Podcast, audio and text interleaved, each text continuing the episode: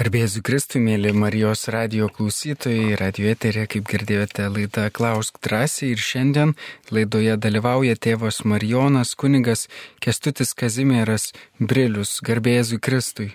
Per amžius sveikinu visus, kurie jau klauso, gali nori klausyti Marijos radio. Šiandien pabandysim pirmiausia atsakyti eilę jau pateiktų klausimų iš anksčiau kiek čia pasiseks su jūsų kantrybė.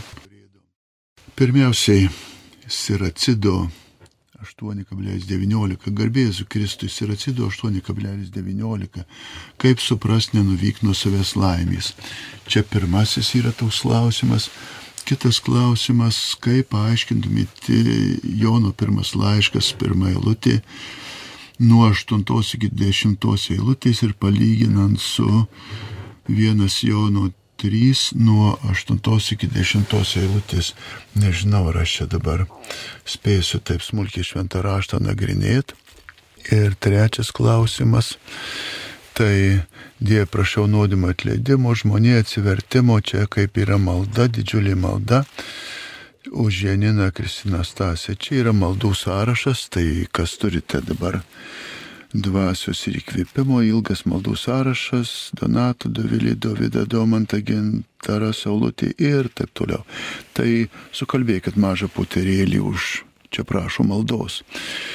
Taigi grįžtant prie to klausimo, kaip supras nenuvyk nuo savęs laimės. Čia pilna citata būtų 19 eilutė. Netverk savo širdies kiekvienam, nenuvyk nuo savęs laimės reikia suprasti kaip alegorija. E, laimė čia yra personifikuota. Personifikuota būklės išraiška, laimė, nelaimė. Čia kaip sako, tinginys atėjo, tinginys užėjo maždaug iš to. Taigi, kaip ir kiekvieniem žmonėms, kiekvienam laikė, sėkmė, gėris, visos gerbus buvo svarbus dalykai. Todėl vieniems, kai sekasi, kitiems nesiseka. Ir žmonės kartais matydavo tiesioginės priežastis.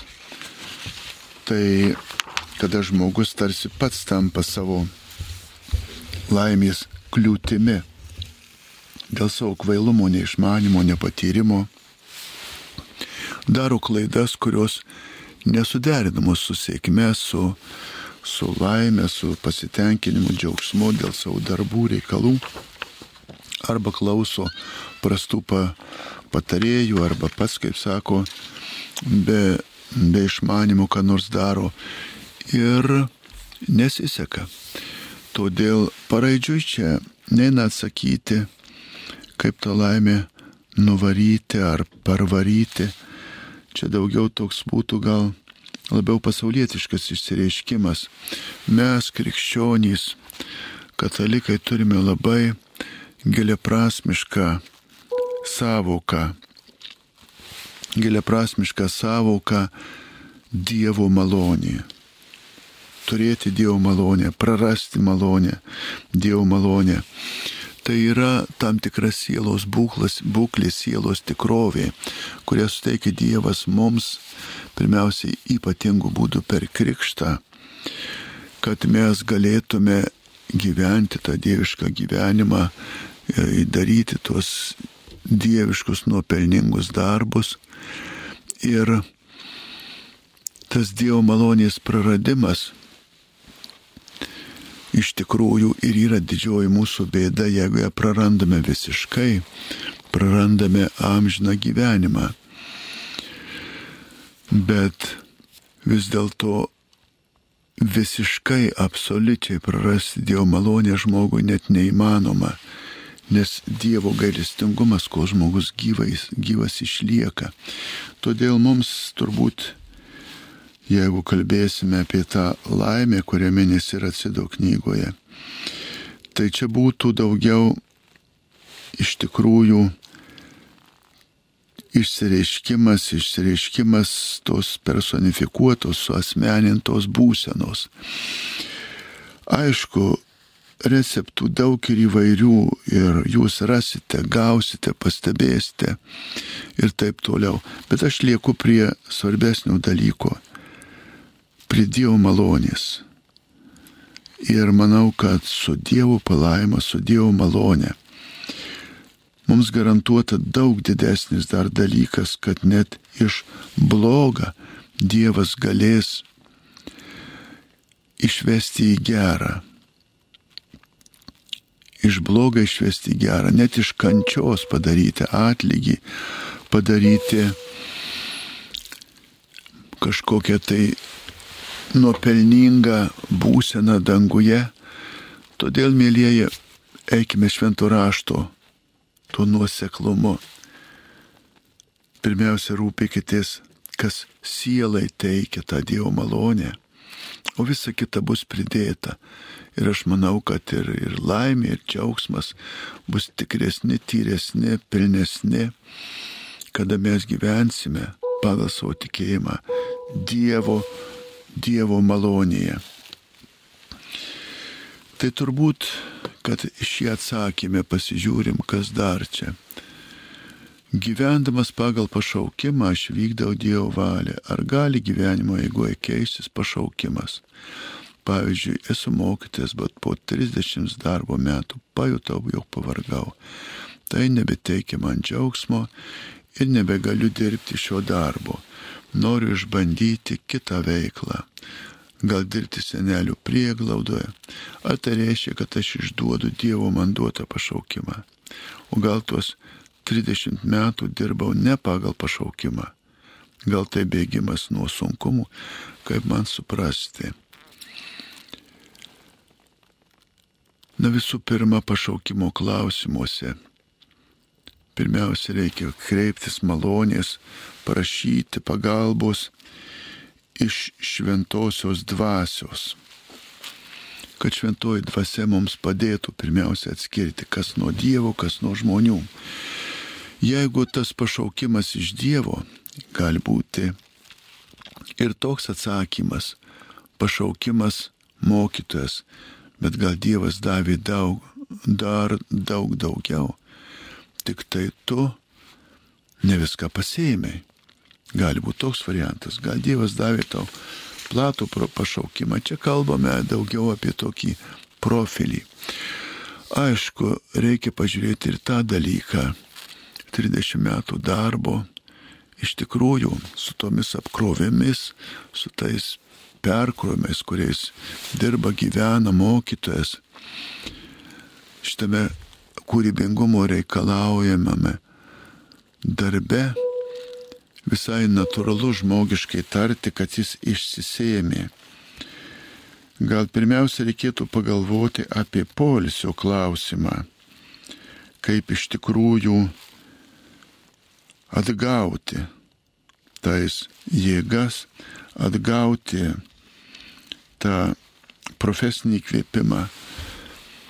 Ir aš čia truputį taip plačiau išsiskleidžiau dėl to, kad iš tikrųjų pašaukimo klausimas yra labai labai platus, dažnas ir svarbus.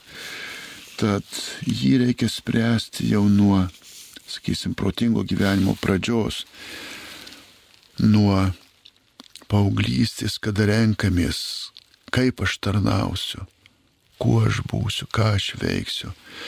Vis dėlto būtina žinoti, kiekvienas pašaukimas turi kryžių, yra tam tikra našta, tam tikra apkrova. Ir tas subręs pašaukimui, kuris iš tikrųjų subręs pasiaukuojančiai tarnystai. Be šito, juk negali būti pašaukimas vien valgyti ar linksmintis ar, ar veltidžiauti taip toliau. Nors polinkį galima turėti tokį. Taigi vėl grįžtam prie kryžiaus klausimo, prie tarnystės klausimo. Na vienas iš klausimų, gal galite pakomentuoti kalanto susideginimą, ar tai krikščionybėje priimtina kaip pasipriešinimas už savo tautos laisvę. Aš manau, kad visų pirma, komentuoti dabar jau nėra ko, tai priimkime didvyrišką auką. Šalia veiksmų, kuriuos daro žmogus, gali būti paprasti veiksmai, pasiaukojantis veiksmai, didvyriški veiksmai ir šventi veiksmai. Tarp didvyriškumo ir šventumo yra labai dar didelis žingsnis, kai žmogus gali būti didvyris, bet dar tas veiksmas nėra šventas. Kad jisai būtų šventas veiksmas, turi būti jo šaltinis šventas, jo intencija, noras šventa, šventi nukreipti link Dievo ir tai turi papildyti Dievo malonę. Tada toks veiksmas iš didvyriško gali būti ir šventas. Ar visada didvyriškumas yra šventas? Ne, ne visada. Didvyriškumas gali būti ir iš labai nešventų priežasčių, iš kokiu nors puikybės apraiškų, laimėti ten, pirmauti, pasirodyti ir taip toliau. Kai kalbame apie šitą atvejį Romo Kalantos savižudybę, grįžkim prie katekizmo. Katekizmas apie savižudybę teigia. Savižudybė prieštarauja. Čia skaitau iš katekizmo. Naturaliam žmogaus polinkiu išsaugoti savo gyvybę ir pratesti gyvenimą. Jį ypač prieštarauja teisingai savęs meiliai. Ji taip pat išniekina artimo meilę, nes neteistė nutraukia solidarius ryšius su šeima, tauta ir žmonė, kuriuo atžvilgiu turime pareigų savižudybė prieštarauja gyvojo Dievo meiliai. Štai jums atsakymas iš katekizmo. Ir bažnyčios praktikoje ilgą laiką savižudžiai buvo laidomi be bažnytinių apieigų, net už kapinių tvoros. Dabar bažnyčia atsisako laidoti tik tuos nusižudžiusius asmenys, kurie buvo atvirai išreiškė savo neapykantą tikėjimui. Taigi nemanau, kad reikia kartoti katekizmo citatą. Katekizmas, Katalikų bažnyčios katekizmas 2281 punktas. Todėl galime dabar kvalifikuoti, kalantos veiksmas buvo savižudybė ar nebuvo. Jeigu buvo, tai katekizmą jau pacitavau. O dabar kaip aš komentuosiu? Komentavimo čia sritis labai plati yra kaip iš tikrųjų už Dievą teisti ar vertinti ir taip toliau. visada, atsiprašau, visada lieka toji žmogaus vidinės nuostatos teisė, kaip iš tikrųjų savo sąžinėje mano žmogus. Ne visada mes galime nuspręsti pasėmę knygą rankoje, Lemiamasis žmogaus veiksmų vertintos yra sąžinė. Todėl aš šituo atveju gražinčiau pačio įvykio vertinimą iš tokio laikraštinio aptarinėjimo, iš to išorinio susijusio su politika, daug vertinimo į klausimą dėl pačios sielos, tarkim, kalantos sielos. Jeigu žmogus sąžinėje mane, kad tai būtinas, neišvengiamas ir geras veiksmas ir jį padarė, Dievas jį išteisins. Tačiau pati norma kaip tokia lieka nepakeista. Savižudybė, sąmoninga savižudybė yra nuodėmė. Todėl aš grįžtu prie apašlo Pauliaus tos pačios minties, kad tie, kurie nežino tikėjimo Dievo įsakymų, nepažįsta Dievo, tai gyvena pagal sąžinę, nes mūsų didysis teisėjas bus sąžinė, sąžiniai sprendimai. Kaip sąžiniai žmogus pilnai samoningai, savrankiškai apsprendė, gera tai ar bloga, reikalinga tai daryti ar draustina. Ir tas sąžiniai sprendimas bus atsakymas didvyriui Romui Kalantai. O mes iš tikrųjų, kiek čia bešnekėsim, vienareikšmiško atsakymo nėra.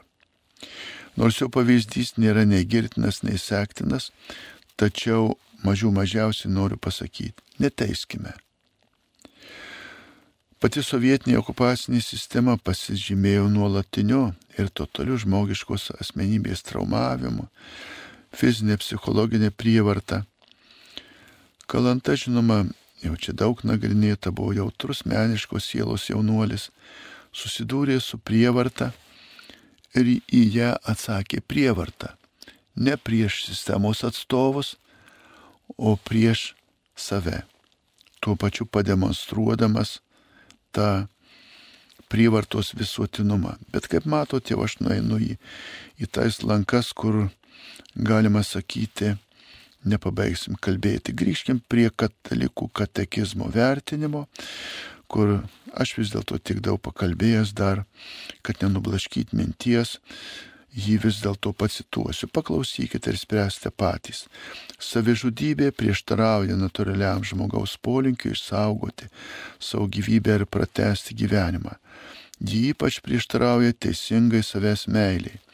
Ji taip pat paniekina artimo meilę nes neteisite nutraukia solidarius ryšius su šeima, tauta ir žmonėje, kurių atžvilgių turime pareigų.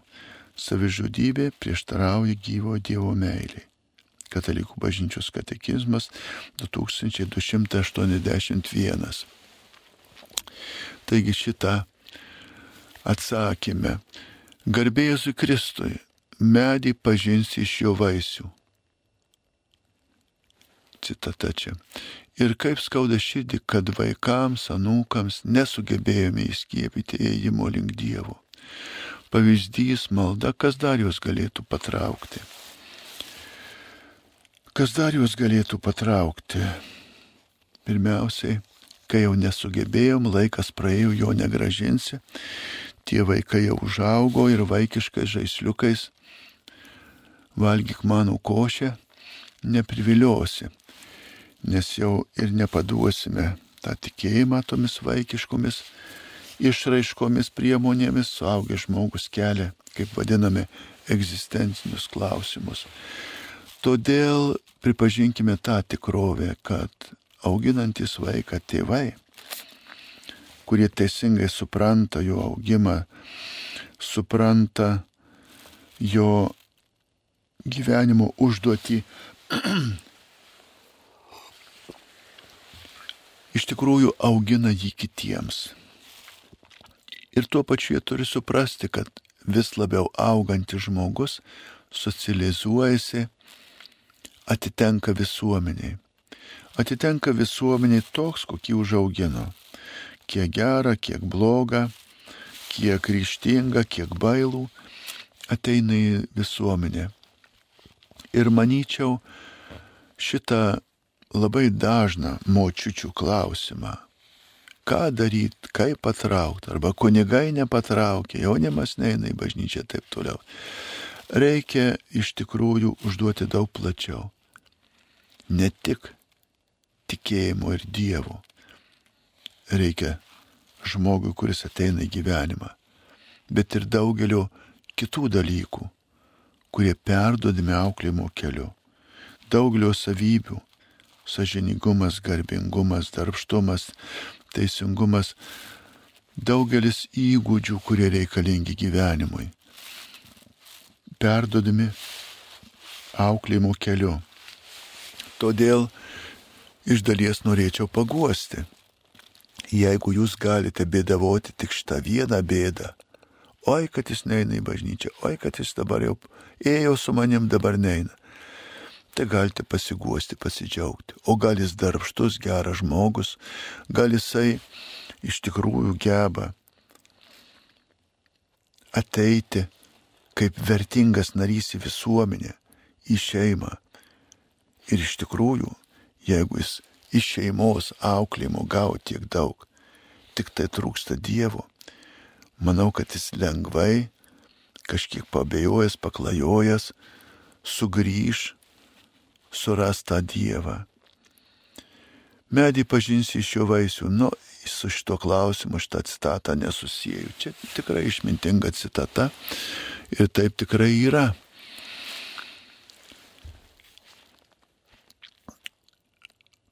Ir vis dėlto netgi tie ir tose šeimose, kur kartais įtrūksta to tikėjimo ir mandingumo, Atminkite nuo Dievo tėvams, seneliams protėviams pareigą auklėti vaikus.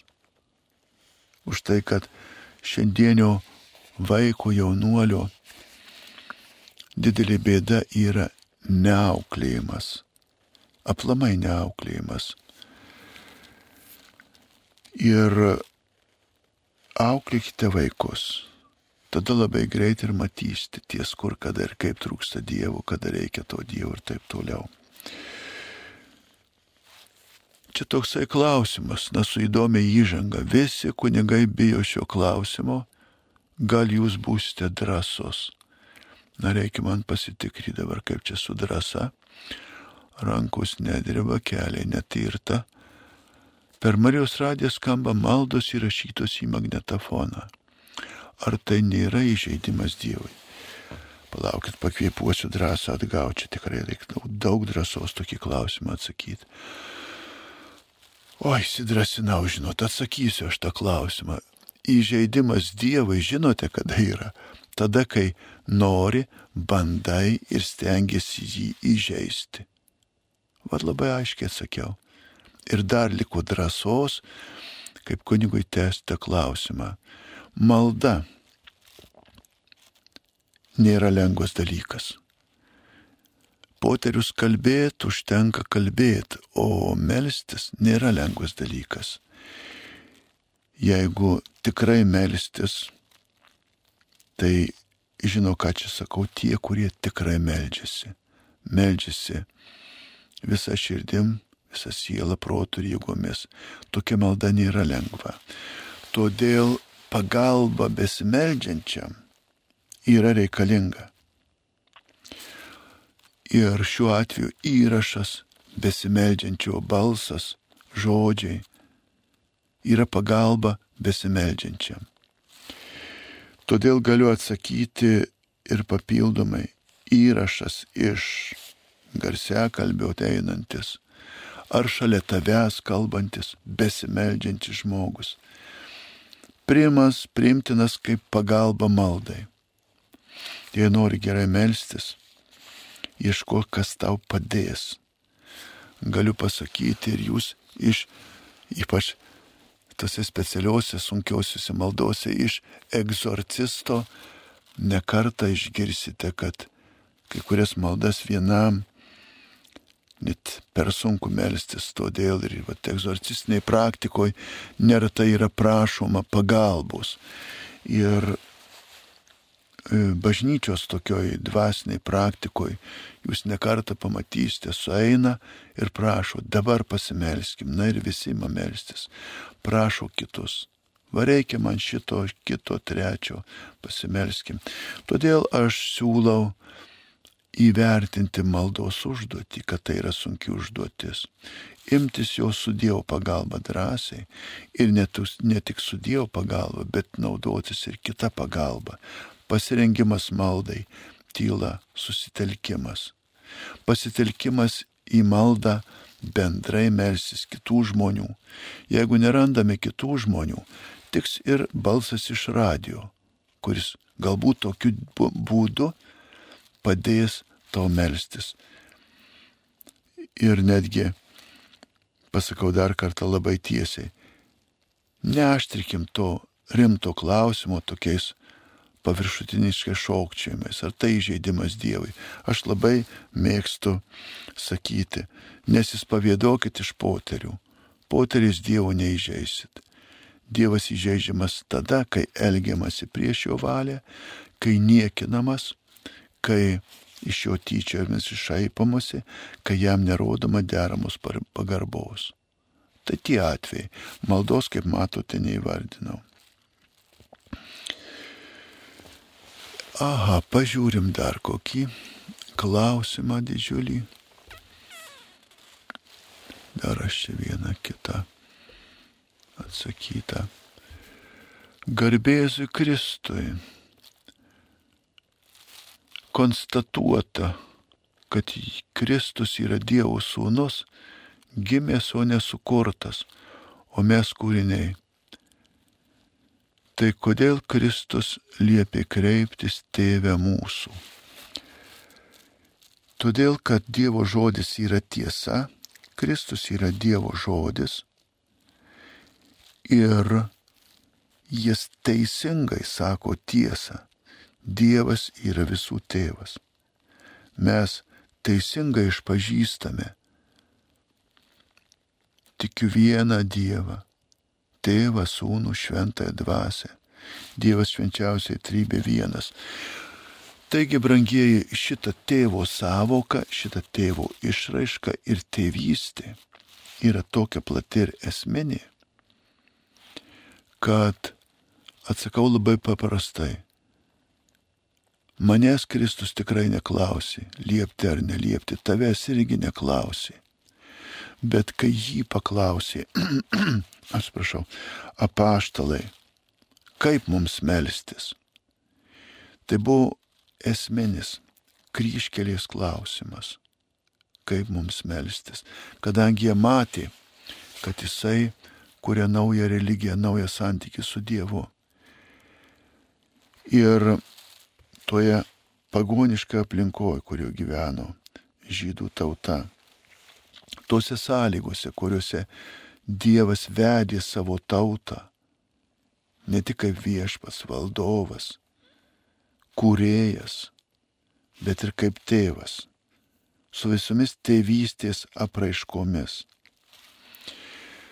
Toj tėvo savoka vystėsi per Seno testamento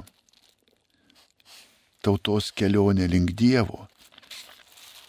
Ir kada Dievo žodis gimė žmogumi, jis gavo vardą Jėzus, graikiškai Kristus, bet jisai save pateikė kaip Dievo sūnų, Dievą vadindamas tėvu.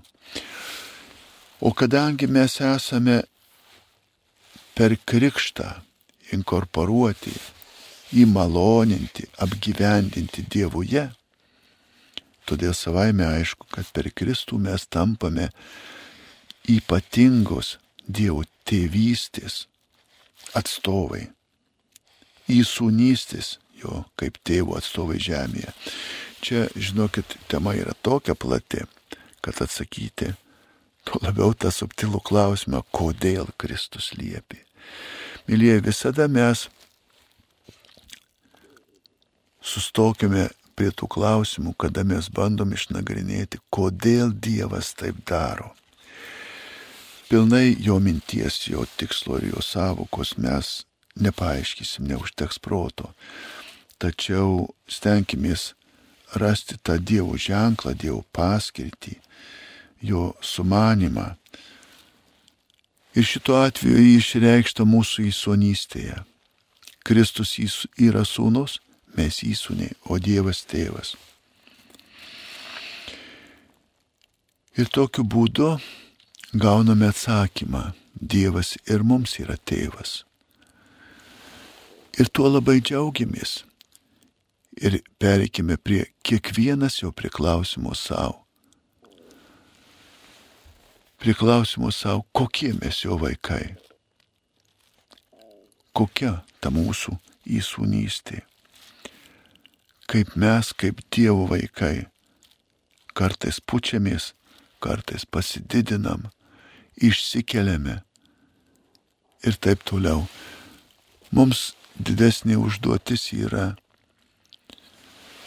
kokie mes esame Dievo vaikai, kokiais turime būti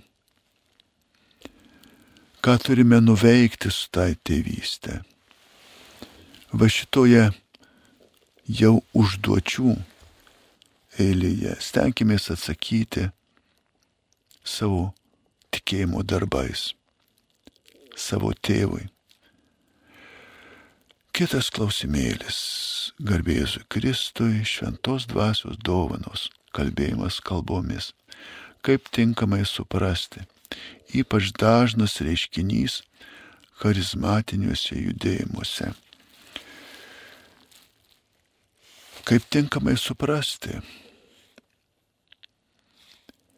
Šventam rašte yra paminėta, kad tai yra šventos dvasios dovanos. Pabrėžiu, šventos dvasios dovanos. Čia ir teisingai klausime paminėta. Visos šventos dvasios dovanos, kurios įgauna viešas apraiškas, jos yra skiriamos didesniais sielos geroviai, dėl sielų išganimo. Ta prasme, tarnystai dėl sielos tobulėjimo. Ir šituo atveju, kai kalbame apie tą savotišką reiškinį, galime mes pagryžti prie šventos dvasios, keistų apraiškų. Paštų darbų knygos antras skyrius, pirma ketvirta eilutės kalba. Jiems pasirodė tarsi ugnies liežuviai, kurie pasidalyje nusileido ant kiekvieno iš jų. Visi pasidarė pilni šventosios dvasios ir pradėjau kalbėti kitomis kalbomis, kaip dvasia davė jiems prabilti. Aišku, šaltinis šventa dvasia davė ženklą, aiškia praiška, stebuklinga daugia kalbystė ir aiški paskirtis. Tai yra tos tautos, tie kita kalbiai, kuriems norėjau jau per apaštalus tada prabilti šventą dvasę. Ir tai buvo tikrai šventa, reikalinga ir sielai naudinga. Kai kalbame apie dabartinės apraiškas, tikrai šventos dvasios veikimas turbūt sunkiausiai mums protų suvokimas, aprašomas, sunkiausiai nusakomas dalykas, jie veikia taip laisvai, kad įrėminti ją ir apriboti kažkokiam tai brėželiais, rėželiais, rubežėliais ir pasakyti, tik šitaip ir ne kitaip. Nevertėtų tuo užsimti.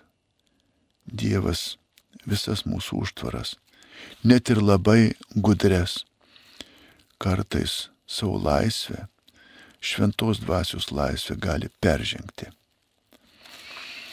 Tačiau grįžtu prie to, reikia ištirti, nes puikiai žinot, yra ne tik šventa dvasia. Ne tik šventa dvasia, yra ne tik gerosios dvasios, bet yra nesuskaičiuojama daugybė nelabojų kariuomenės, tų apatinių dvasių, kurios yra visiškai priešingos gerosioms dvasioms, bet nemažiau už jas gudrios, kurios yra visiškai priešingos tiesai, meiliai, išganimui, bet nemažiau už jas galingos ir gali tai padaryti labai įvairių dalykų. Todėl šitais atvejais pirmiausia reikia ištirti. Čia reikėtų atsižvelgti į egzorcisto tarnybą. Bažnyčia gavusi galę piktosioms dvasioms.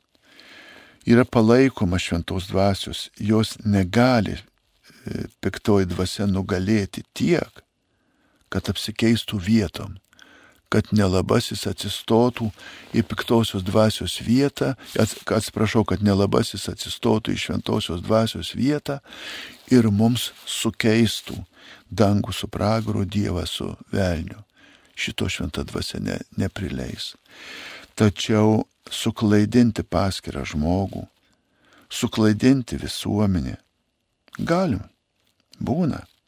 Tai ir įvairios erezijos, kur Dievo vardu prišneka klaidingų dalykų, tai įvairios atskalos, kur už didesnę teisybę žmogaus lūpose palieka Dievo tiesą šventame rašte ar bažnyčios aiškinime, daugybė tų apraiškų. Bet yra tokia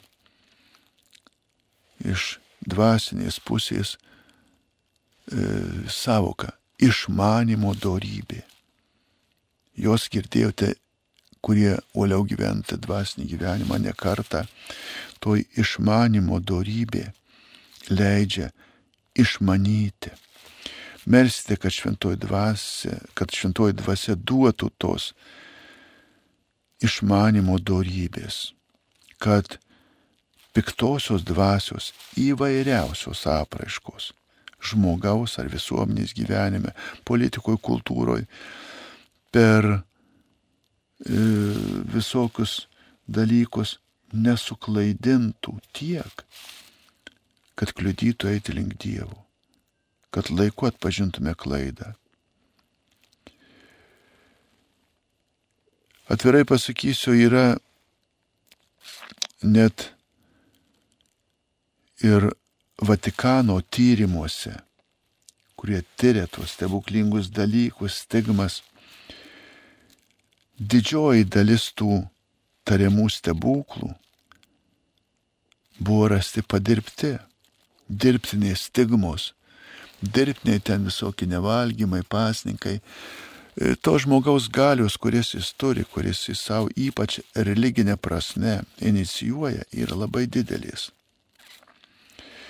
Ir e, tyriant šituos klausimus, e, Vatikano tarnybos tikrai randa didesnę dalį visokių, kaip sako, na, suvaidinimu, ar kaip čia pasakyti, negu tikrų dalykų. Todėl grįžtu prie tos, atsiprašau, išmintingumo darybės. Išmintingumas yra darybė, kuri įgalina praktinį protą visokiamis aplinkybėmis skirti, kas yra tikrasis mūsų gėris. Taigi, kiek turite praktinio proto, juo naudokitės, tarkitės su kitais ir pasitikėkite bažnyčios autoritetu. Tai yra kreipkitės į egzorcistus, kreipkitės į kompetitingus kunigus, sudėtingesnėse situacijose užklauskite vyskupą, kuris ras kelią atsakyti. Sutinku su tuo, kad dabar tie visi charizmatiniai judėjimai yra išplitę. Taip dabar išplitę. Bet, mėlyjei, dabar viskas, ką norima išreklamuoti, visų pirma tampa reiksminga, spalvinga ir įspūdinga. Pažiūrėkite į Kristaus kelionę jis nesiekė daryti šito tipo reklamos. Todėl šiandienė pasaulio dvasia ir yra tokia reiksminga, triukšminga ir įspūdinga. Todėl grįžkite prie savęs kiekvienas, užklauskite savos išminties Ar praktiškai tu jau gali spręsti tą klausimą? Ar tai, kas taip reiksminga, taip triukšminga ir įspūdinga, tau jau atsakymas. Beje, dvasių skirimas gana gerai aprašytas Švento Ignaco Lojolos taisyklėse. O iš charizmatinių judėjimų eikime tuo pačiu amžinatilis kunigo Česlau Kavaliausko nurodytų keliu. Paprašykite paso. Paprašykite paso. Tai yra, kada metrika iškilęs tas judėjimas, iš kur kilęs ir iki kur atėjo. Jeigu tas ar kitas charizmatinis judėjimas atėjo iki teisėto katalikų vyskupo ar popiežiaus ir yra jų patvirtinti, tai jie yra katalikiški. Jeigu tai yra kažkokiu tai ieškojimų reklama, tai jie nėra katalikiški. Grįžtam vėl prie klausimino. Žinote, čia jų daug. Įdomus klausimai, gal aš ir per daug čia užsišneku, bet tai tarsi toks pokalbis su jumis. Va, ar skirybos visada blogis, juk Dievas pakvietė meiliai santarviai. Jei buvimas tampa prievarta kalėjimu, ar reikia laikytis to vien tik tai kad taip reikia. Juk mes vystomės, reikalaujame meilės. Šitas klausimas, aš sakyčiau, didelės apimties ir jį ypač sunkina tai, kad užduodant šitą klausimą kaip religinį, tai yra santokos sakramento prasme. Čia iš karto kotiruojamos yra įvedamos tos nereliginės savokos vertybės užklausos. Atkreipsiu dėmesį, kas yra gerai šitame klausime. Kadangi čia kalba apie skirybas ir Dievą, tai turėkime minti, kad čia kalbama apie sakramentinę santoką. Tai apie tokią ir kalbėsiu. Toliau prievarta kalėjimas. Ir kad taip reikia. Paaiškirsiu šitą žodį reikia. Čia labai teisinga samprata, kad santoka atneša pareigą. Santoka nėra tik tai dovanų krepšelis. Labai mėgstu sakyti, nėra tik tai leidimas. Santuoka yra įsipareigojimas, iš kurio kyla pareiga. Va tie šito klausimo, mėlyjeji, daugeliu atveju sudūštame. Ir dabar įvesta šita kategorija, mes vystomės ir reikalaujame meilės. Na, vėlgi šitas sakiniukas paskutinis klausime pareikalautų čia kokio puskibirio kavos ir gražios kampanijos. Aš labai sustočiau prie žodžio reikalaujame meilės. Užduočiau klausimą, kurių mėgsta užduoti jaunoms šeimoms, kas dažniausiai, garsiausiai ir smarkiausiai reikalauja meilės. Tai kūdikis. Va, visiškas egoistas, kuris reikalauja savo galingais vaikiškais būdais, rėkdamas, parpdamas, protestuodamas ir taip toliau. Meilės ir meilės ir meilės. Ir iškart sustočiau prie to dalyko, jeigu mes liekame tame kūdikiškame egoizme, man turi duoti pieną, sviestą, drabužį, šilumą, dėmesį ir taip toliau. Tai mes tikrai reikalaujame meilės. Jeigu mes užaugame meilėje, subręstame, mes galime meilę dalintis. Ir tuo atveju poros klausimas taip pat kam ten tos meilės reikia. Imkim lygybės ženklą. Jis ir ji reikalauja meilės, bet ne vienas nedalina. Kas gaus meilės? Logika. Ne vienas. Jeigu kitas variantas. Jie dalyjasi meilę, jis tik reikalauja meilės. Kas patirs meilę? Didžiaja dalimi be perkeltinės prasmės tas, kuris reikalauja, ras būdais reikalauti. Dabar trečias variantas. Ir jis, ir ji reikalauja meilės. Ir jie dalyjasi. Kas patirs meilę? Ir tas, kuris reikalauja. Ir tas, kuris dalyjasi. Tokiu būdu Kaip matot, meilės logika aš ją išreiškiau trim lygtim. Atrodo paprasta. Specialiai taip norėjau pa, padaryti tokią logikos lygtį. Atrodo paprasta.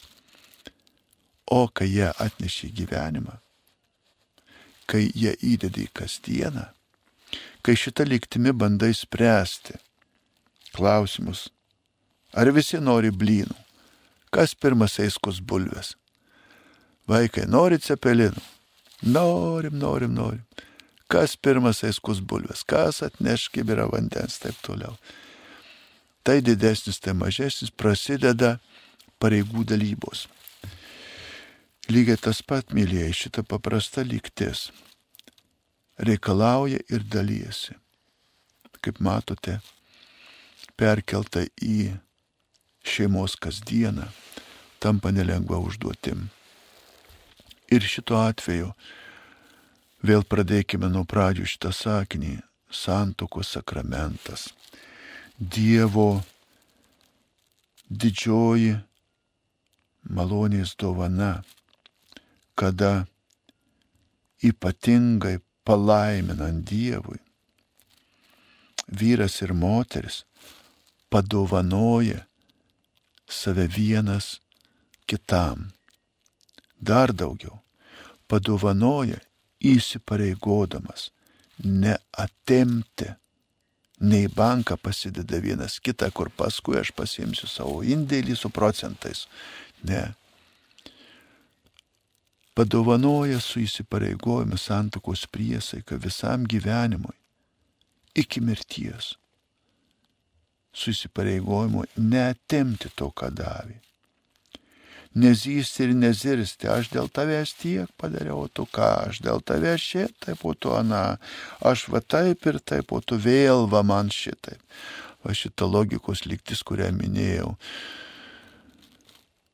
Vienas ir vienas reikalauja ir dalina, vienas duoda, kitas atima, abu atima. Va šita lygtis čia ta pati galioja.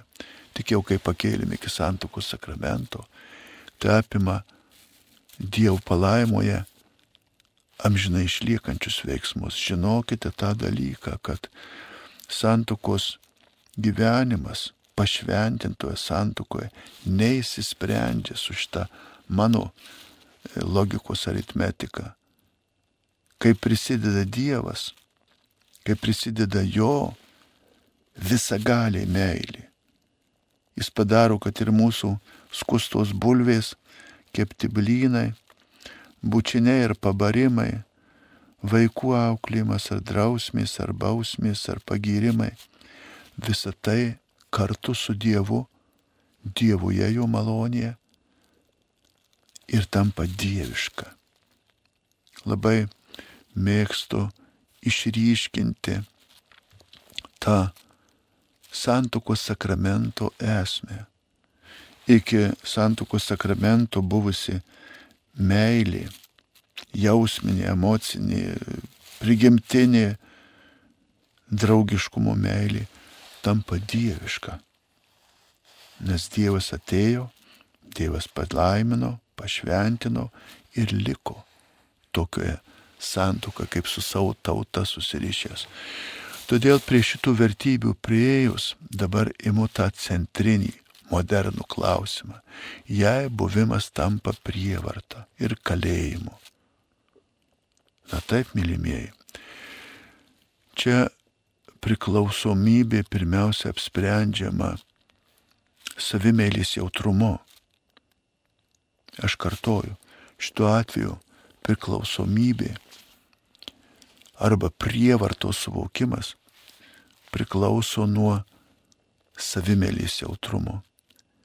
Jeigu toj savimeilė žmogaus charakterė išpuoselėta, dominuoja, jeigu jis egoistas, grobikas, parazituoja iš kitų gerumo, tai akivaizdu, kad visa, kas jam nemalonu, jau bus jam kaip prievarta, visa, ko jis negali, atsiprašau, Visa, ko jis negali čia pat išvengti, jau bus kalėjimas. Na ir prieinama prie tokių kurioziškų skirybų klausimų. Išsiskyrė dėl to, kad ten žmona negamino jam skanių ten kažkokių patiekalų. Prieinam prie tokių klausimų, kad ilgai kosėjo vis kosti ir kosti. Tai vyras išėjo, kaip sako, leisti laiką pas draugus ar į barą ir taip toliau, nes namie žmona kosti. O žmona kosti dėl to, kad skalbdama jo koinėse ketėjai, nes jisai nepataisė vandentikio, skalbdama jo koinėse ketėjai peršalo rankas ir kosti. Tai va tas bėga jau į, į naktinbarį kokį, nes žmona namie kosti, jau ten jam kalėjimas ir taip toliau. Mes neretai su tą savimėlę prieinam prie tokių anegdotų. Tačiau aš nežiūrint to, kad čia truputį įsiplėčiau, tiesiog norėjau akcentuoti, kad toj santukinė meilė, toj bendra savoka apima tiek dalykų, tokią kasdienybę, kad mes turime nuolat į tai atsižvelgti. šeimos gyvenimas, atsiprašau, čia žinot, nėra to mygtuko, kur gali paspausti, kad mikrofono nebūtų. Tai aš jums ir perduodu savo muziką. Dar kartą atsiprašau. Grįžtu prie to klausimo. Didžioji takoskira, didysis skirimas ir ateina iš tikrųjų ne dėl to, kad Dievas blogai surišo, ne dėl to, kad santokos samprata šiandien iškreipta ir ginčiama, kas yra ta santoka, o dėl šitų dviejų dalykų. Savimeilė ir tasai neaugimas. Čia sako, mes vystomės. Jeigu vystomės, reiškia augam, jeigu augam, tobulėjam. O jeigu santukoje, jos meilėje mes nesivystome, neaugam, tai ateiname į krizės. Ateiname prie išdžiūvusio šulinio. Kai jūs prieisite prie šulinio, semsite vandenį, girdysite kitus ar patys gersite. Pagalvokite. Ir kodėl jis neištuštėja. Šulinio klausimas, šulinio vertė yra, kad jis neištuštėja, jis prisipildo vandens, kai iš jo išsemi kažkiek. Išdžiūvusio šulinio vertė, nauda, patys suprantat, yra nulinė. Dargi apgavystė, jeigu kažkas ateina tikėdamasis, susituoksim, gyvensim, mylėsim, pasisemsiu meilės ir randa jau išdžiūvusį šulinį, kuris nepasipildė tuo gyvastingu vandeniu. Jis gali čia pat numiršti iš troškulio. Todėl prie sudžiūvusio šulinio dikumose neretai mėtydavosi greučiai. Tų, kurie žinojo, kad ten šulinys, iš paskutinių atėjo, rado, kad jis tuščias. Ir jau greučiai mėtosi. Čia dikumų gyventojai galėtų šitą patvirtinti pas mus, kai viskas žaliuoja, gal šitas pavadinimas, kai mes vandens kraštas pajūry su savo ežerais ir balom, bet pagalvokit apie tai. Tada, kai kas dar turi jėgų tapenti, ieškoti kito šulnio, iš kurio jau ten gėri, kas liko, kas neliko, kas drumsta, kas sudrumsta, šitas šulinių klausimas mirtinai trokštančia, mirtinai svarbus. Na ir šito vieno aš neatsakysiu. Tačiau vedu prie to, kad semkitės iš to šaltinio meilę, kuris yra neišsimiamas. Pasipildykite savo šulinius, savo įmintas pėdas su vandeniu likus, savo balutes. Pasipildykite iš to neišsemiamo meilės šaltinio, iš begalinės Dievo meilės. Ir tikrai tos poros, kurios semsis meilės, kurios semsis jėgų gyvenimo iš šito šaltinio, neatsidurs prie išsekusio išdžiūsio, nesimėtys jų kaulai apie sausą šaltinį. Tuo labiau mylėjai tie, kurie atsakingi, kad tą gyvastingumo vandenį dalinti, juo dalintis, kurie davė priesaiką, jausti atsakomybę, reiks atsakyti Jeigu jie troško, yra šventam rašte tas palyginimas, jeigu jie troško ir tu nepagirdai, jeigu jie alko ir tu nepamaitinai, jeigu jie atėjo meilis, o tu atsisukai su reikalavimais, už tai reiks atsakyti. Reiks labai atsakyti, atsistojus prieš Dievo meilę, kuriais mums atsiveria. Tad grįžtant prie šito užbaigai, ar visada blogis? Ne, ne visada. Tais atvejais, kada iš tikrųjų pažeidimai, kada kenkimas yra toks didelis, kad kyla pavojus žmogaus sielai, saugumui, gyvybei, išganimui, ar sutoktiniu, ar vaikų, bažnyčia leidžia atsiskirti, gyventi atskirai. atsitverti tvoromis, teisminėmis tvoromis, kitokiomis, tačiau nepanaikina santokos sakramento, nepanaikina tos priesaigos pareigos. Dievas nenustoja teikti malonių, galimybės pasitaisyti, progų susitaikyti ir atsitaisyti. Todėl teisiškai sakramentinį šitą klausimą sprendžia bažnyčios tribunolas. Aišku, pasaulis su savo savimylų paradu daug lengviau transliuoja, nepatiko, reikia, nepripratai prie pareigos, bėg tolyn, ieškok reikalau, kas tau duos. Laikykimės vis dėlto tos kelionės krypties, kur daugiau meilės, kur meilė tikresnė, kur semėmės iš neįsenko meilės šaltinio Dievo. Taigi čia sustoju. Ką reiškia atsižadėti savo valius ir gyventi pagal Dievo valią, juk Dievas kalba taip pat per mūsų norus, svajonės ir troškimus.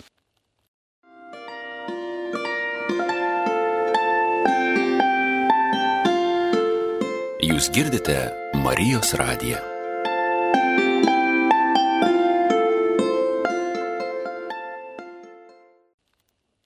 galvoju, galvoju, ką reiškia šitas religiškai pakeltas valių laisvės apsisprendimo klausimas. Taip, jį labai sunkiai sprendė ir bažnyčia savo istorijoje, ir pasaulis. Laisvė, nelaisvė, kas yra laisvė. Tačiau pirmiausiai paimkite paprastą pavyzdėlį. Kaip jums atrodo? Ką reiškia? Mama kviečia vaikus prie stalo. Vaikai nori, kad pavalgytumėt pietus. Eikit valgyti, norit valgyti, norim valgyti. Va, valia sutampa. Mamos valia, kad vaikai būtų sotus. Vaikų valia noriu valgyti. Kas čia ką pažeidžia? Kai geresnį ir svarbesnį dalyką mes priimame, mes pasilenkime prie jo, su menkesnėm galimybėm, menkesniu kažkokiu dalyku. Dievas daug daugiau dar yra negu mama, kuri prašo vaikus prie stalo. Dievas sako, ateikit pas mane, kad gyventumėt tam, žinai. Jis nesako, ateikit suvalgyti savo cepelino ar ten kugeliu ar kažkokiu e, dešrelės ar kopūsto. Dievas sako, Noriu, kad gyventumėt, noriu, kad džiaugtumėtės, kad jūsų džiaugsmo nieko netrūktų. Tai tokia didelė, tokia gera valia, kad mes galime pilnai sakyti, taip ir aš noriu. Ir valios sutampa. Ir valios atitinka. darykite, darykite, tai ir, darykite tai ir gyvensite. Tai yra vykdykite Dievo valią. Dėl atsižadėjimo. Atsižadėti savęs, tai bet kuriuo gyvenimo metu ištarti ne savajam aš ir pasakyti taip Dievo veikimui.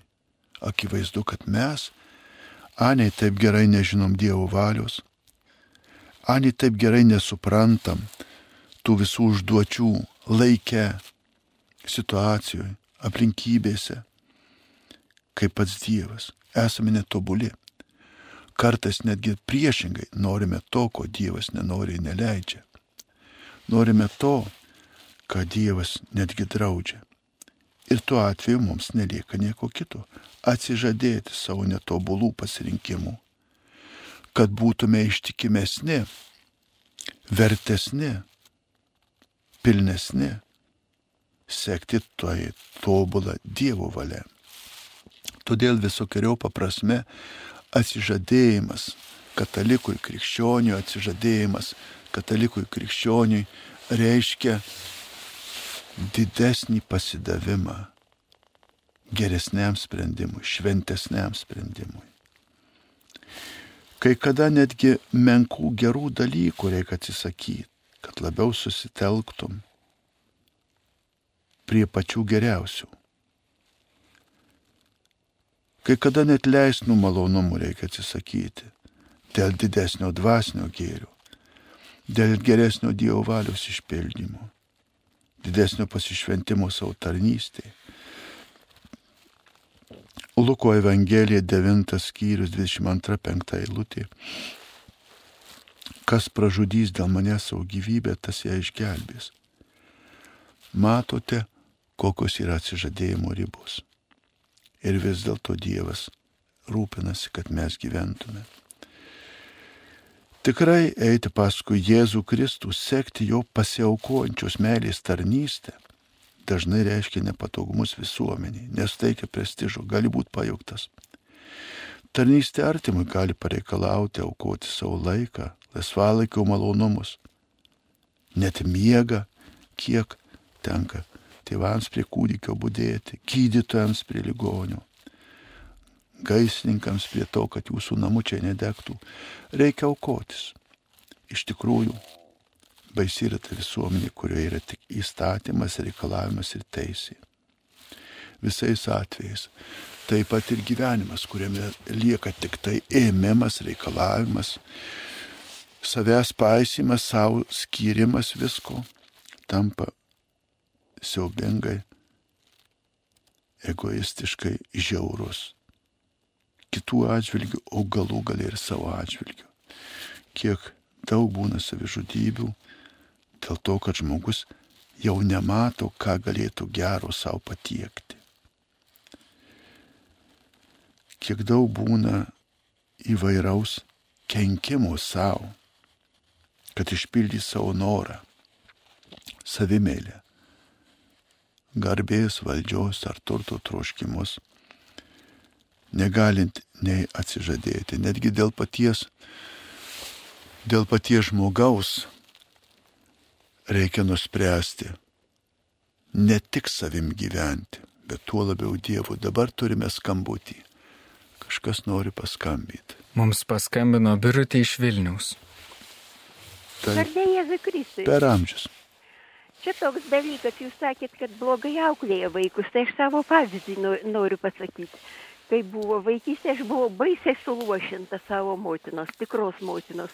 Rankos įsuktos, subras sulaužytas ir įstumta taip į pasaulį visiškai be jokios nuovokos, galim sakyti, be galvos smegenų. Visiškai nemokėjau elgtis nei su vyrais, nei su, nei su žmonėmis buvo pastumdėlė tiesiog. Ir tai viskas vyko nuo, nuo tokios vaikystės. Kodėl apie tai niekas nekalba? Milijonai žmonių kenčia nuo motinų. Ką jos išdarnėja? Tai baisu pagalvoti. Broliai mirė irgi suluošinti anksti. Seserys, galima sakyti, proto neturi visiškai. Svaičioje 80 metų minisijonais vaikšto, ne nesąmonė kažkokia. Tai va, aš norėjau tiek pasakyti, gerbiamas kunigė. Gal nelabai išėjo sklandžiai, bet aš seniai ruošiausi ir, ir baisiai didelė yra problema, vežami vaikai be sąmonės.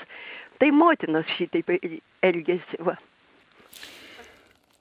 Ačiū už skambutį, na, priimkime tai, kad jūsų, jūsų liudijimas jūsų liudijimas iš savo patirties, kiek, kiek ten, kaip ten, kas ten darosi.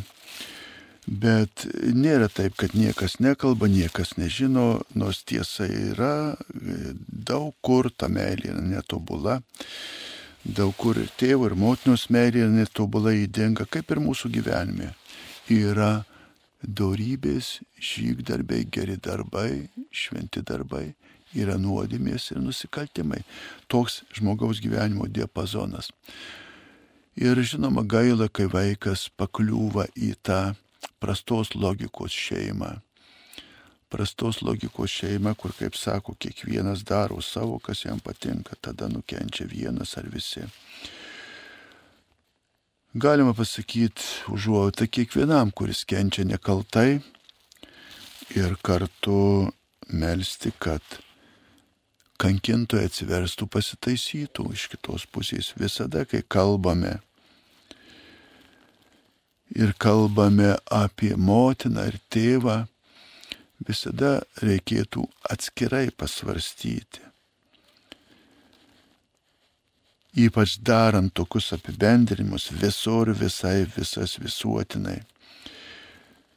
Gal jums reikėtų, čia norėčiau pridurti, daugiau paspręsti psichologinė prasme tą savo vidinį balansą ir jeigu prieisite prie atleidimo, jeigu tikrai tai buvo, kaip sakote, prieisite prie atleidimo, prie maldos už savo kankintojus, pasieksite Kristaus lygį. Jį žiauriai mušė jo tauta, teisė jo tauta, reikalavo ant kryžiaus jo tauta išdavusi ir jis meldėsi už juos ir atpirko. Todėl priimkite šitą galimybę pažvelgti į Kristaus kryžių, kuris irgi patyrė išdavystę, atmetimą, nukankinimą ir mirė melzdamasis už savo kankintus, už jų išganimą. Aš tiesiog dvasia jaučiu, kokią jūs turite puikią galimybę žengti tokį didelį gailestingumo žingsnį. Tai būtų dieviška. Jeigu aš priimsiu jūsų šitą tokią skausmingą lamentaciją, kaip, kaip kertinį akmenį, sakysiu, sudūštam prie šito neturiu ką sakyti, nemylėjai. Tada ir man būtų liūdna lygiai taip pat kaip jum, bet noriu pasakyti, jeigu žengtumėt ir kiekvienas žmogus žengtume tą didįjį dievišką žingsnį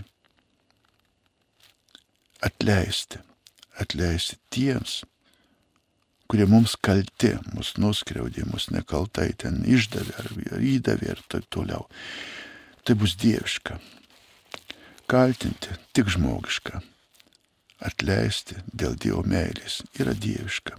Sekime Kristų visuose didžiuliuose gyvenimo išbandymuose. Kitas klausimas, nuo kokio amžiaus pažmogų apsistoja siela ir tai reiškia netikinčiuosius. Na visą šitą klausimą, mylėjau, aš nesurišu galų. Pažmogų siela neapsistoja, jie atskirai nevaikštų nuo žmogaus. Atmeskite visų pirma visas šitas panteisinių religijų apraškas, kad siela ateina pa žmogų apsistoja, apsigyvena ir taip toliau. Bažnyčia moko, kad nuo pat savo pradėjimo žmogus turi Dievo jam sukurtą sielą. Taip, kad jie niekur apsistoti nereikia.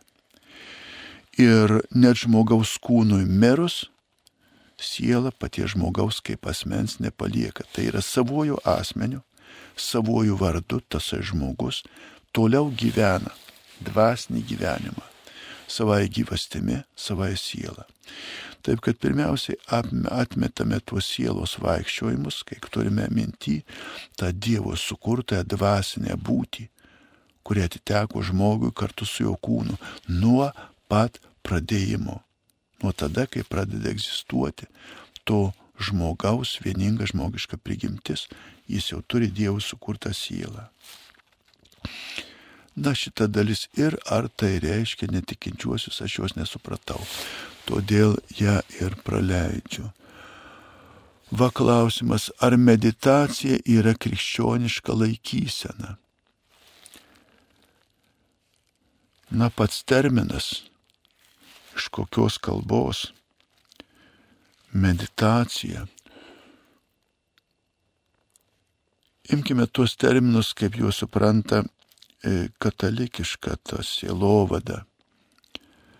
Melstis, adoruoti, medituoti, kontempliuoti.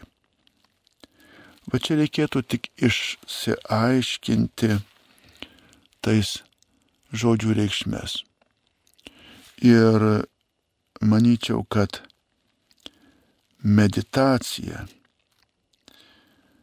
šiuo atveju susitelkimas arba telkimasis į kažką tai, savo dėmesio, savo galių, savo dvasių, savo visko. Katalikų bažnyčios katekizmas irgi naudoja žodį meditacija. Ir tai nėra mums svetimas žodis. Tik tai tiek, kad šiandien meditacija supriešinama su malda, su katalikiška dvasia. Čia mes turime sustoti ne prie teminės šito žodžio išraiškos, meditacija kaip toks paskimeniui, bet turime sustoti prie jos apibriešties, tai vienaip ar kitaip atitinka maldos rūšį. O malda yra kreipiama į Dievą. Todėl atsakau, melstis yra krikščioniška. Lygiai taip pat melstis yra natūralu kiekvienoje religijoje. Nėra religijos be maldos. Ne veltui. Ir apaštlai prašė iš pamokyk mus melstis. Todėl atsakau meditacija, adoracija, kontempliacija, meldimasis, gėdojimas psalmių, giesmių yra krikščioniška tada, kai kreipiamės į Dievą, kai melžiamės jam ir tai yra formos klausimas. Gali būti daugiau proto malda, gali būti daugiau dėmesio sutelkimas žmogaus, asmenybinis atsigrėžimas į Dievą. Ir šituo atveju pacituosiu Jums katekizmą apie meditaciją žodžiai. Katalikų bažnyčios katekizmo santraukė 454 skyrius sako taip, todėl, kad visiems būtų suteikta reali galimybė džiaugtis pakankamu polis ir laisvalaikiu leidžiančiu puoselėti religijos šeimos kultūros visuomenį gyvenimą, kad būtų galima deramai skirti laiko meditacijai, apmąstymui, tylai ir mokymusi, atsidėti geriems darbams, ypač ligonių ir senelių labui. O matot, kaip į visą krikščioniško religingumo sampratą įeina ir meditacija, kuriai reikia skirti laiko. Tai yra susitelkimas prie Dievo. Susitelkimas, maldingas nusteikimas. Todėl vėlgi pagal Katalikų bažnyčios katekizmo santrukos 568 skyrių, kaip reiškia maldos gyvenimas, sako, maldą išreikšti ir jie gyventi krikščioniškio tradicija išlaikė tris formas - žodinę maldą, meditaciją ir kontemplatyvę maldą. Jų bendras bruožas - širdies arba vidinis susikaupimas. Kaip matote, tai mums nesvetima, savita ir reikalinga. Va klausimas. Garbėjusiu Kristui, dažnai per jautri reaguoju, dažna savigailos nuodėmė, kaip sveikti iš šios puikybės apraiškos. Pirmiausiai atsakau, išsprendžiu lygti iš paties sakinio. Negydykit savęs. Va jūs čia įvardinat gerą psichologinę analizę, per jautriai reaguoju. Gali būti nervai, gali būti e, charakteris, gali būti aplinka. Toliau, religinė piltme paimam dažna savigailos nuodėmė. Savigailos nuodėmė. Kokia čia konstrukcija, matot, jau pati konstruoti religinės savokas, nėra tokios nuodėmės. Savigailos nuodėmė. Apie savimėlę kalbėjom, tai vadykim žodžius tais reiškiniais, e, tomis reikšmėmis, kurios atitinka.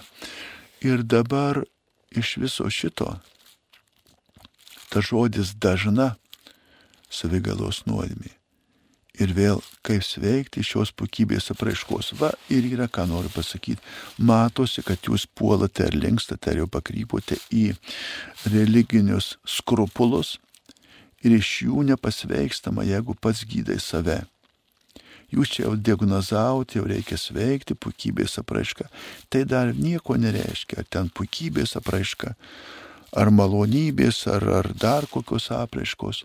Kada mes visais atvejais medicinoje diagnozuojame savo lygas, mes dažnai einame nusigydymo keliu. Aš atsakau, su rimtais dvasiniais klausimais kreipkitės į kunigą sielovadininką ar vienuolę sielovadininkę ir duokitės tyriami, ištyriami. Ir pasitikėkite to kito tyrėjo, mokytojo, dvasinio vadovo įžvalga, kas iš tikrųjų nori eiti gilesnio dvasinio gyvenimo keliu. Nesigydykit, nesitirkit ir neikite patys. Jums patiems tirtis ir gydys reikia tiek, kiek reikia normaliai, veikliai, jautriai, veiksmingai, sąžiniai reikštis. Tiek save tyrinėkit. Ką sako sąžiniai?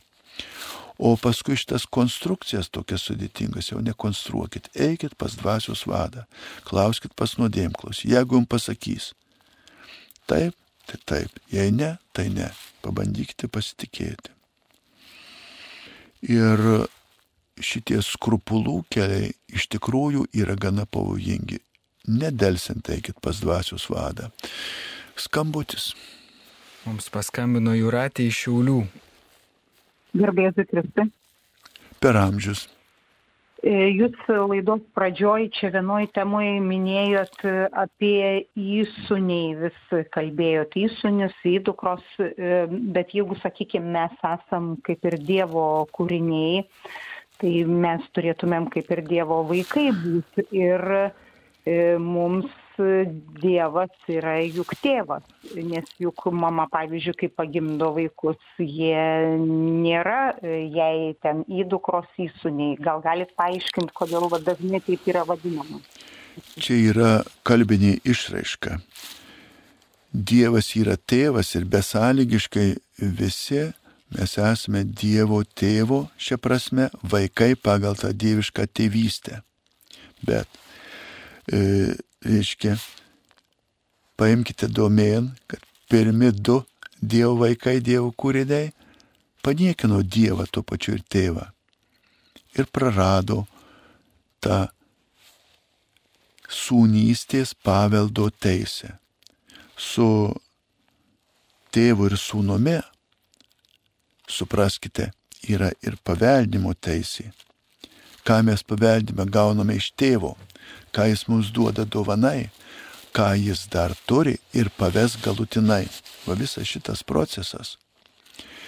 Dėl mūsų kalbos netobulumo ir yra toj dieviškoji sunystė. Kristus vartojo, apaštas, atsiprašau, Paulius, apaštas Paulius vartojo dažnai šitą terminą, kadangi jis buvo labai raštingas ir, ir, ir teisiškai, jis vartojo šitą teis, teisinį terminą Dar ir dėl to, kad mes nesusilygintume su vieninteliu Dievo sūnumi, kurioje, kuriame tėvystės ir sunystės santykis yra pilniausias, tobuliausias ir begalinis. Mes to ko neturim. Todėl, kad išreikšti, jog mes nesame Dievo sūnus, kuris yra vienintelis, ir yra išvestas šitas terminas. Jeigu jūs domėsitės giliau šventų raštu, tai pasiekite Dievo tėvo savokos e, etimologiją vystimas Seno testamento tautos kelionėje. Pasvarstykite, pasidomėkite Dievo tėvo sampratos raida krikščionybėje. Kažkada skaičiau gal dvi paskaitas iš tą temą, labai įdomi medžiaga, čia aš prie to negalėsiu sustoti. Bet gal norėčiau tik apibendrinti, mes esame įsūniai dėl to, kad esame netobuli sūnus, nesame vienintelis Dievo sūnus. Todėl mūsų ta teisinė paveldo ir įsipildymo sūnystė kiekvieno tavo, mano, kito atveju yra pilna tobula ir pakankama. Mums Dievas tobulai yra tėvas. Tačiau mes jam nesame tobulai sūnus, nes į sūnų turi tik Dievą sūnų. Va, aš tik tai akcentuoju šitą skirtumą, čia tikrai negalėsiu, nespėsiu atsakyti į šitą klausimą. Grįžtu prie laiško Efeziečiams, e, ne veltui aš pabrėžiu apaštlą Paulių laiško Efeziečiams, pirmas skyrius penktą eilutė, va kaip skamba Paulius žodžiai. Iš grinos meilės laisvų savo valios nutarimų. Jis iš anksto paskyrė mus per Jėzų Kristų tapti jam įsūniais. Va šitas būtų atsakymas esminis. Jis nusprendė, jis paskyrė ir tokie esame. Bet jis mums tėvas. Ne patėvis, nes nepakaitinis, o tėvas. Va šitą situaciją aš e, plačiai kažkaip pilnai neatsakysiu, čia valandinis atsakymas. Todėl dėkoju, kad jūs taip atidžiai klausote ir malonu e, jūs nukreipti į tas pievas, kurios dar nenušienautos. Mokite plačiai, ten tikrai daug labai yra ir istorinių, ir biblistinių tokių akcentų. Dėkoju. Grįžtu vėl prie klausimą. Jeigu mano netikinti močiutė visą gyvenimą gyveno laimingai, o jos tikinti sūnus staiga nuo vėžio mirė, tai Dievo noras. Ha. O ką žinau, kokius norus pildo vėžys. Mes juk žinome tą mokymą, kad visoks blogis ateina iš nuodėmės. Per nuodėmę atėjo mirtis į pasaulį. Ir mes visi vienokią ar kitokią forma patirime nuodėmės pasiekmes, net tų nuodėmių, kuriamis asmeniškai nenusidėjome. Dievo noras yra, kad gyventume. Tačiau žemėje amžinai negyvens ne vienas. Kelias link Dievo eina per gyvenimą ir per mirtį. Šitie sugretinimai tikėjimo, laimės, sūnaus ir vėžio na, toks žmogiškas, netobulas bandymas prisikabinti prie Dievo. Kodėl va taip? Aš tai likčiau su klaustuku, ar tikrai ta močiutė tokia laiminga nugyvenusi tą gyvenimą be Dievo, ar tikrai tas sūnus miręs nuo vėžių su Dievu toks jau nelaimingas, kad norėtų grįžti ir apsikeisti su močiute vietų. Manau, kad ne. Pasiekę Dievą, esame ir būsime tobuloje laimėje. Skambutis. Paskambino genė iš Vilniaus rajono. Garbė Jėzui Kristui. Per amžius. Čia klausiausi laidą, sesuo Palaimaitė kalbėjo apie kančią.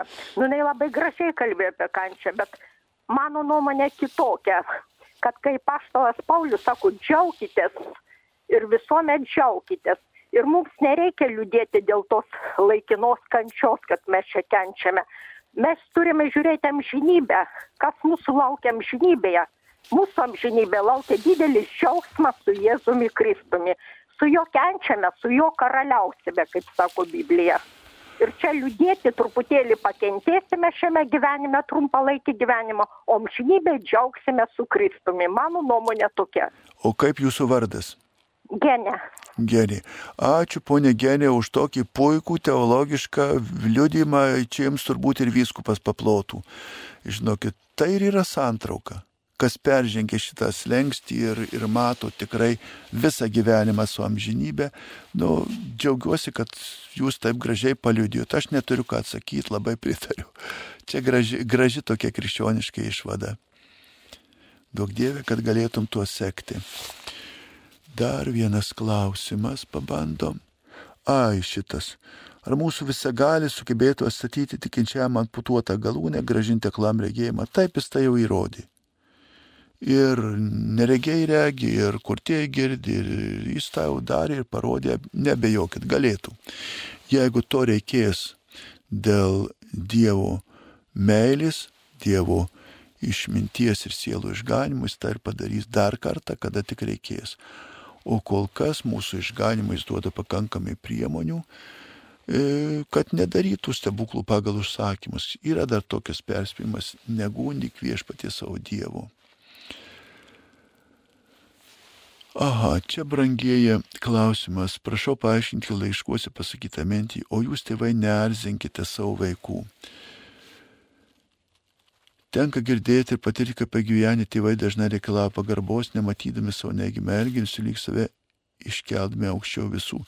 Mylėjai klausimas geras, bet pedagoginė tema, psichologinė tema yra toks platus, kad aš atsiprašau, jo nepradėsiu atsakinėti, nes žiūri tą laikrodį, kuris rodo, kad man tuo reikės bėgti bažnytėlėm išsisaukot, tai aš šito neatsakysiu. Čia labai platus klausimas, neapimsiu, paviršiniškai nenoriu suvesti du žodžius. Bandykime toliau.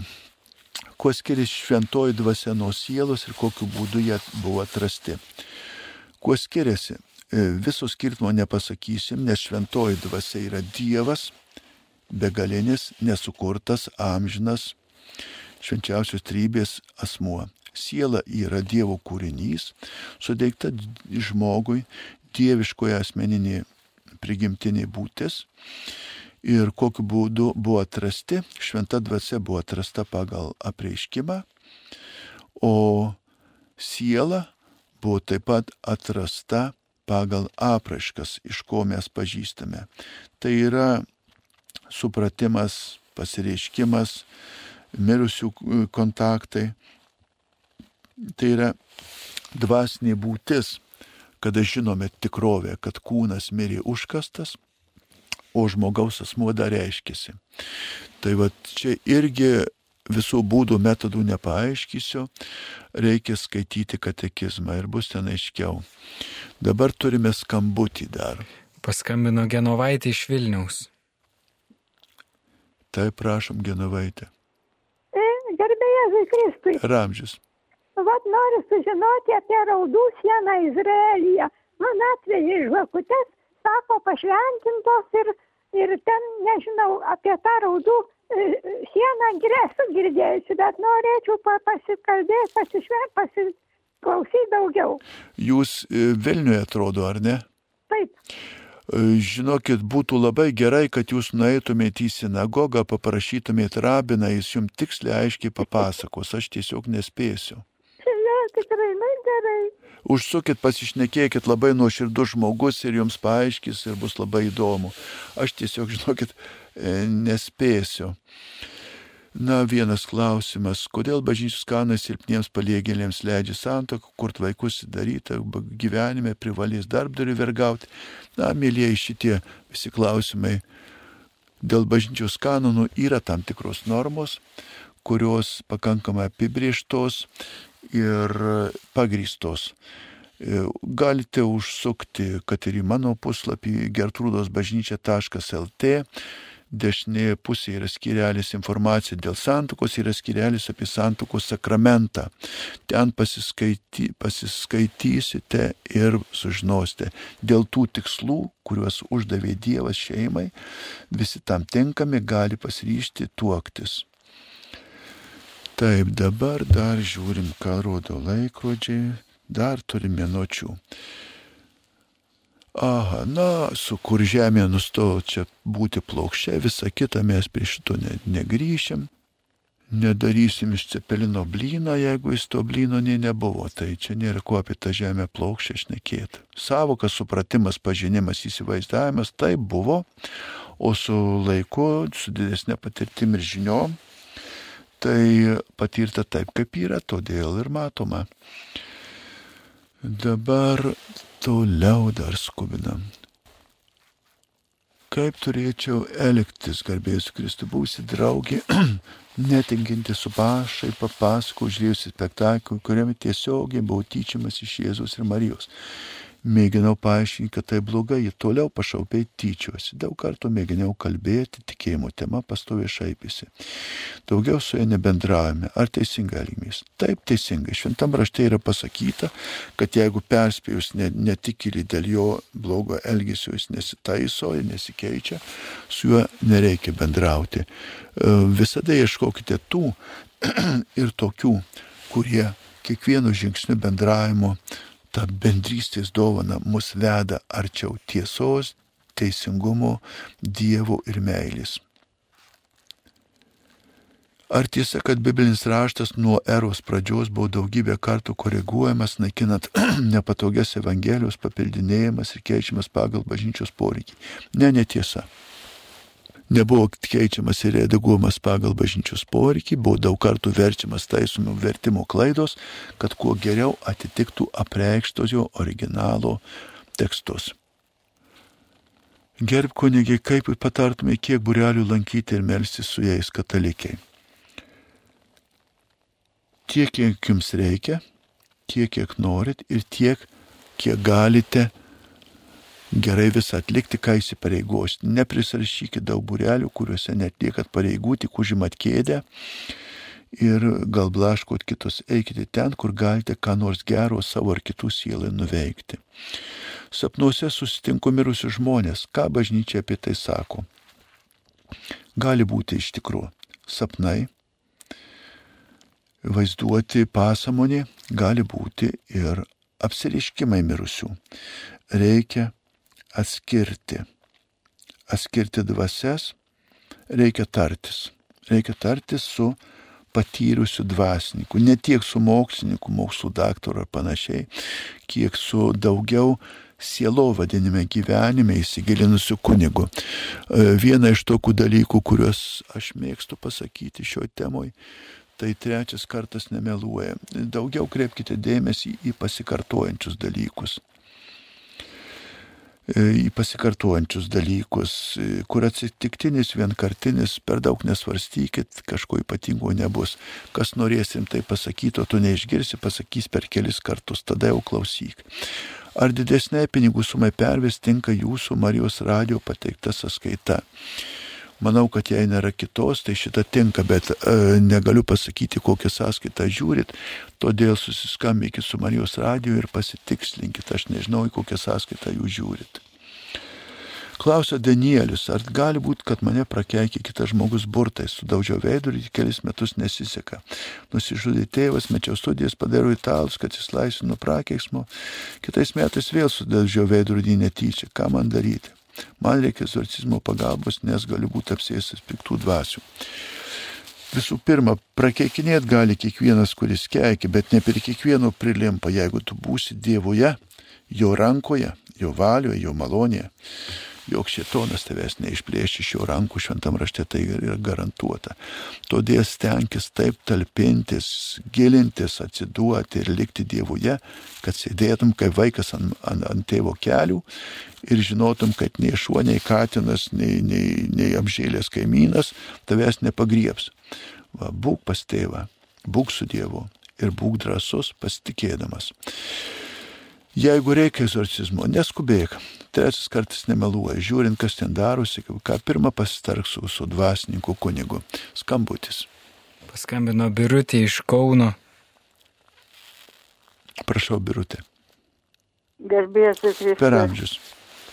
Norėjau paklausti, mūsų kapas, reiškia, trim žmonėm ir jau pilnai užpildytas. Ir dar mano vyriausia dukrelė, tai ją, e, kaip čia, kaip, kaip vadinasi, susidegino. Ir įleido ant močiutės kapo. Dabar, reiškia, dukros sako, kad mama, kaip aš, jau man 88 metai, labai serganti, sako, kai tu numirsi, mes tave irgi sudeginsim, paskui mane, tai sako, mes visi sutilpsim į vieną kapą. Tai dabar man atrodo įdomu, jeigu žmogus miršta ir turi kažką tai atpirkti pas Dievą po, po mirties, tai kaip jisai atpirks, jeigu jis bus sudegintas ir jeigu, jeigu žmogus miršta, o jo siela, sako, nesiskiria, lieka prie jo tai, tai ta siela irgi sudega tada. Ne, ponė, niekas čia nesudega. Manau, kad skambinat kažkur iš suvalkėjos, turi taupę dukrą, kuri ruošiasi sukišti visą giminę usbaunuose į vieną, į vieną kapą. Nu tai gera taupimo forma, aš net pats pagalvoju, tikrai gudriai suvalkietiškai sudeginam tėtukus, močiutės dėdukus į, į usbauną ir, ir vai visus į vieną garduką sudėsim. Katalikų bažnyčia nepalaiko ir nepritar šitiem deginimam. Mes vis dėlto Lietuvoje nesame tokie gyventojai, kad neturėtum dviejų metrų žemės tėvą motiną palaidot, o, o kad dabar, kai sako, prisėmė tų visokių tradicijos pas mus neturinčių indiškų ar kitokių madų, Tai ką padarysi, jūs tarkitės su savo dukra, gal dar ateis į protą ir, ir, ir ras motinai vietos, kai sako, ne, negrūstama kažkam ant sprando ir taip toliau, bet, bet na, aš taip įtariu, kad čia suvalkėjos ekonomistai kažkokie. Bet e, dėl to, ką aš nekat apie sielą, Dievą, visai nekurkit šitų dalykų, žmogaus mirties forma, žmogaus kūno padėtis, ar būklė, ar pelenai, ar, ar palaikai nesudaro nieko bendro, nesudaro kliūčių Dievui veikti. Tai dėl to būkite rami. Rūpinkitės gerais darbais, ligonių sakramentu, Velykinė išpažintėm ir pasitikėkite. O dėl visų šitų deginimų, jeigu galit, dukrai pareiškit savo valią, jeigu gerbė motina, gerbs jos valią. Jeigu tokia didelė neklaužada nepaisys nieko, tai jau jums bus tas pat. Dievui kliūties tai nesudarys, o, o vis dėlto mūsų tradicinė tautinė pagarba žmogui rasdavome šioj tautoj žemės, vietos ir laiko žmogui palaidot. Aš norėčiau, kad tikrai grįžtų tos tikrai ilgamžės tradicijos su visa pagarba žmogui, atiduodant jį natūriems procesams, kurie vyksta žemeliai, tos mūsų maldos tradicinės, patikėti žemė savo kūną ir taip toliau. Bet, nu ką dabar, kai sako, susitarkit, gal susišnekėsit. Ačiū.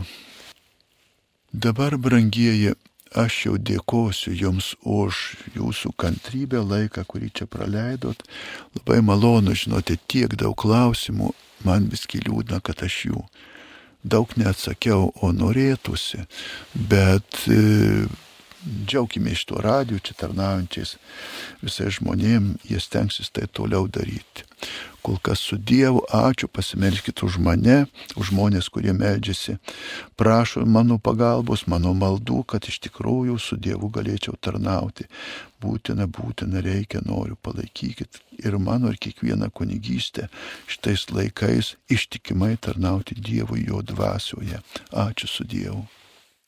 Dėkojame kunigui Kestučiui Kazimierui Briliui, kuris yra Marijonas, dėkojame už skirtą laiką ir dėkojame visiems klausytojams už klausimus.